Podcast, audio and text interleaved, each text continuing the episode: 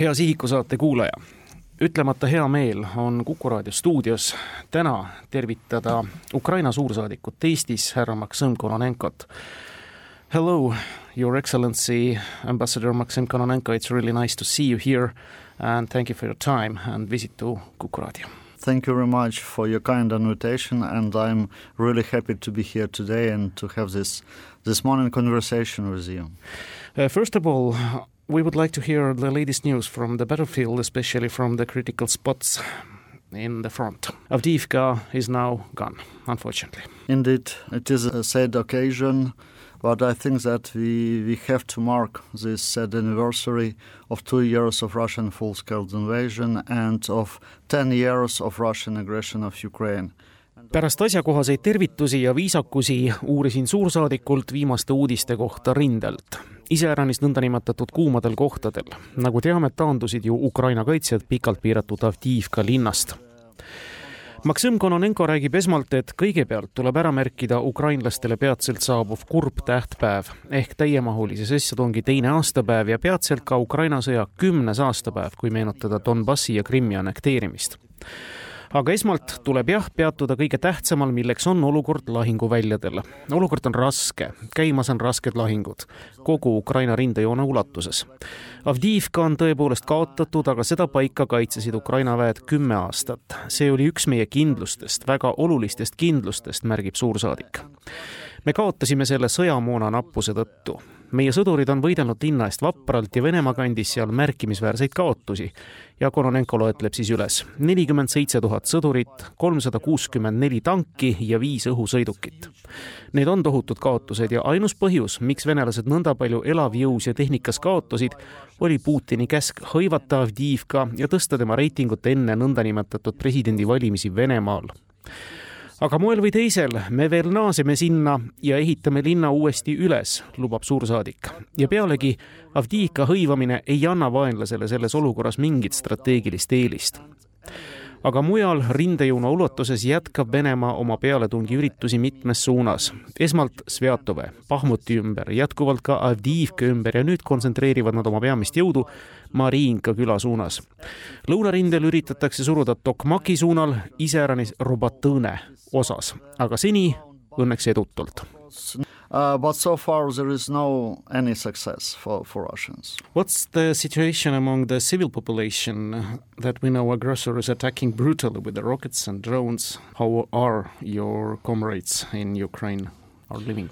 Ukrainians are brave and resilient, and um, they try to live a normal life even under this air uh, attacks. I was in in Kiev uh, this January, actually last January järgmisena tundsin huvi olukorra vastu Ukraina tsiviilelanikkonna seast, mida samuti igapäevaselt ründavad ju raketid ja droonid vaenlase poolt. kuidas tavaline ukrainlane neil päevil elab ja, või on sõjaga kohanenud? Ukrainlased on vaprad ja vastupanuvõimelised, kirjeldab suursaadik. Nad proovivad elada normaalset elu, ka nende õhurünnakute all Kononenko kirjeldab, et ta oli ise nüüd jaanuaris Kiievis ja sai tunda seda värisevat õhkkonda. Tsiviilühiskond tõepoolest kohaneb sõjaseisukorraga. inimesed on endale selgeks teinud, kus on varjendid, kaua võtab aega alates õhuhäirest rakettide ja droonide kohale jõudmine ja kui kaua võtab aega varjendisse jõudmine. see on igapäeva reaalsus ja kooliklassideski on see igapäevarutiini osaks saanud me ei saa leppida ega olukorrale alla anda, oma igapäevast normaalset elu venelastele allutada. nagu president Zelenskõi on öelnud, mida venelased kõige enam soovivad hävitada, ongi ukrainlaste igapäevane normaalne elu, aga me oleme vastupidavad ja vastuhakkavad isegi nendes keerulistes oludes, märgib suursaadik. In the last year during the winter campaign, we learned that troops were being dug deep in trenches and there were no progress on either side. Is the same now? It is more or less the same actually. It is a very strange kind of war because uh, eelmisel sõjatalvel pidime tõdema, et mõlemad võitlevad pooled on ennast sügavalt sisse kaevanud ja edenemist rindel ei olnud näha kummaltki poolelt. kas tõdeme sedasama ka tänavu talvel, küsisin suursaadikult. enam-vähem on see situatsioon sama ütleb Kononenko. see on üks kummaline sõda. kõigil oli illusioon enne seda pealetungi, et järgmine sõda, kui see tuleb, on kaasaegne sõda droonide ja moodsate õhusõidukitega. see saab olema selline Star Warsi tüüpi sõda. aga Ukraina sõda ei ole seda see on segu esimesest maailmasõjast, teisest maailmasõjast ja ka uuest ehk see loodetud või arvatud kaasaegsest sõjast. Esimesest maailmasõjast on võetud kaevikud ja positsioonisõja elemendid. Teisest maailmasõjast on võetud suurtükiduellid ja see on nüüd väga oluline kaugtules just edu saavutada. ja see kõik on siis kombineerunud kokku ja teeb tollest sõjast ühelt poolt statistilise sõja ehk needsamad positsioonilahingud ja kaevikud. Samal ajal kui rindejoon on väga dünaamiline ja muutub ja võib ka igal ajahetkel muutuda, nii et võrrelduna eelmise aastaga püsib pilt enam-vähem sama but admirable achievements on the Black Sea. Your forces have destroyed more than 20 ships of Russian fleet. How has your troops achieved that? Indeed, uh, recently we had a very important success. On February 14, we have destroyed in our territorial waters near Crimea Caesar Kunnikov. samal ajal, meenutan, on Ukraina ju saavutanud imelist edu Mustal merel oma territoriaalvetes, hävitades kolmandiku Venemaa Musta mere laevastikust ehk umbes kakskümmend alust. ja viimati ju suure dessantaluse. kuidas on see võimalikuks osutunud, kõlas küsimus suursaadikule valentinipäeval, jah, meenutab Kononenko, saavutasime oma territoriaalvetes märkimisväärse võidu, hävitades dessantlaevad Cesar Kunikov. see alus oli transportimas Novorossijskist Sevastopolisse sõjalist varustust ja seda loevad ka ukrainlased ise üüratuks saavutuseks Ukraina mehitamata laevastikule. meil ei ole päris oma laevastikku, meenutab saadik, aga meil on mehitamata laevastik ja me proovime sellega vastata sümmeetriliselt Vene sõjaohule. kui me ei saa seda teha päris laevadega, siis saame oma Magura V5 meredroonidega püüame leida loomingulisi, innovatiivseid ja sümmeetrilisi lahendusi, löömaks venelasi Mustal merel meie vaatest on see väga tähtis kõigist aspektidest, moraalselt esmast, et näidata, et me ei anna alla, isegi kui see eelist Mustal merel ei anna. teiseks, et me saame ise turvata Mustal merel oma viljalaevadele turvalist koridori väljaminekuks ilma venelaste assisteerimise või jutumärkides abita. seega on see meile teistlaadne võistlustanner, me arendame seda tehnoloogiat veel edasi ja võitleme ning vabastame Musta mere ning Krimmi, lubab Kononenko How has the appointment of the new Commander-in-Chief Syrskyi affected the troops? Commander-in-Chief Syrskyi, it is a brilliant general edasi jõudsime juttudega Ukraina uue vägede ülemjuhataja Aleksandr Sõrskini ja tema maailmas palju kummu tekitanud nimetamiseni vägede ülemjuhatajaks Ukrainas. Kuidas on see sealseid vägesid mõjutanud, küsisin. sõjavägede ülemjuhataja Sõrski on särav kindral, kõlab vastus ta on tõeline sõjaväelane, kes on Ukraina vabaduse eest seisnud viimased paarkümmend aastat vähemalt. ta on strateegias väga täpne, ta on sõjapidamise matemaatik ja sellest vaatest oli see väga hea määramine, arvab suursaadik. ja küsimus pole ainult Sõrskis, kogu Ukraina sõjaline juhtkond sai värskendust. Sõda on nüüd juhtimas täiesti uus tiim, selline, kes on kogemustega ja järjepidevalt võidelnud nüüd juba palju aastaid seesama tiim, kes koostas ja kes kaasati Harkivi oblasti vabastusoperatsiooni, samuti Hersoni vabastamisse ja nõnda edasi. sõjaväljal oli mu meelest tunda juba stagnatsiooni ning sõjaväe juhtkonna vahetus oli õige liigutus president Zelenskilt, andmaks olukorrale uut impulssi ja tõuget. I think that uh, there were a kind of stagnation uh, on the front line and it was a right move, right decision to, taken by the president Zelensky to give a new impulse, a new impetus to this situation. So, has it been uh, received calmly by the soldiers because the General Saluzhny was also very popular among them? Indeed, Valery Zaluzhny is a military leg legend of, of modern Ukraine and under his leadership kas ülemjuhataja vahetus võeti sõdurite poolt rahulikult vastu, küsisin, sest endine juht kindral Zaluzhny oli nende seas ju äärmiselt populaarne. tõesti Valeri Zalužnõi on kaasaegse Ukraina tõeline sõjaline legend ja kangelane. tema juhtimisel on sõjavägi läbinud raskeimad katsumused selle täiemahulise invasiooni aegu, kiidab Kononenko ja teinud seda muide hiilgavalt. nii et Zalužnõi on saanud juba praegu legendi tiitli ja staatuse aga muutusi oli vaja ja see pole küsimus sellest, kas olla inimeste poolt armastatud, lihtsalt hea inimene ja nõnda edasi. see on ka küsimus poliitilisest vastutusest. ja meie maal võtab täie vastutuse riigi poliitilise tuleviku eest president Zelenskõi oma otsusega.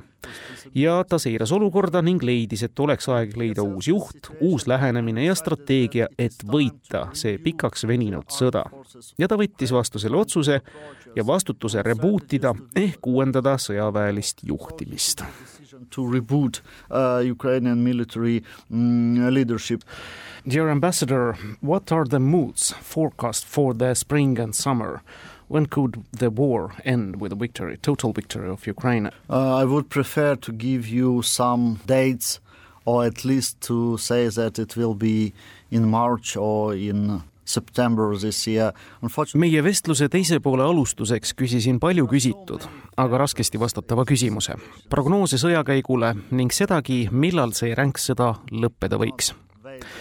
Maksim Kononenko vastab, et küll tahaks ta anda vastuseks kuupäevi või öelda vähemalt, et sõda saab läbi kas tänavu märtsiks või septembriks. kahjuks tal ei ole seda anda selles sõjas on nii palju aspekte ja momente, et nende pealt ei saa midagi ennustada, rääkimata selgest prognoosist kõige olulisem näitaja on see, kuidas me saame varustatud relvade ja laskemoonaga.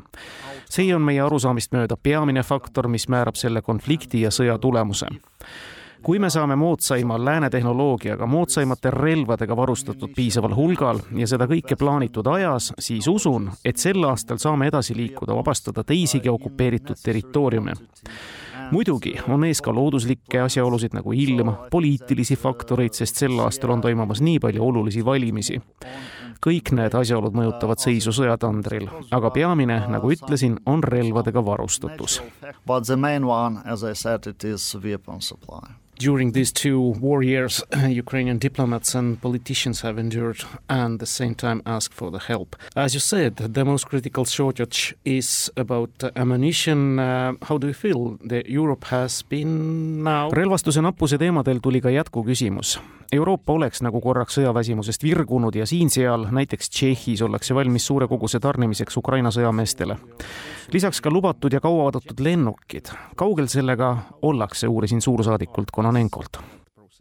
Shortage in uh, ammunition is really critical And if we left Avdiivka, it's not because of the lack of bravery of our soldiers. It is because uh, it is due to the lack of ammunition.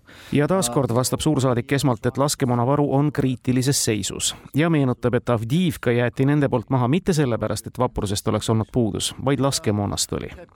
me püüame säästa oma sõdurite elusid ja käituda asjakohaselt selles olukorras. meil on hea meel kuulda, et Euroopa on justkui taas ärkamas. oleme lootusrikkad, et et lubadusi ka täidetakse. samas oleme selles lootuses pragmaatilised. peaaegu aastad tagasi lubati meile Euroopa Liidu poolt miljon mürsku praeguseks oleme kätte saanud pisut üle poole, kuussada tuhat, täpsustab saadik ja lisab kohe, et sellest ei piisa.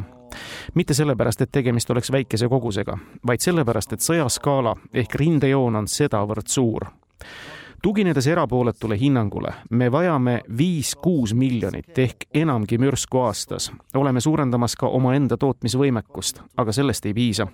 ma arvan, et Euroopa, kõik Euroopa riigid, USA ja Ühendkuningriigid peaksid olema teadlikud, et sõjasituatsioonis ei saa me käituda nii nagu rahulikumal ajal me peame andma kiirendi või tõuke kaitsetööstusele, me peame suurendama laskemoona tootmist nõnda kiiresti kui võimalik. ei ole siin asi ainult Ukrainas, see ei ole ainult meie võimekuses iseendid kaitsta, asi on Euroopas.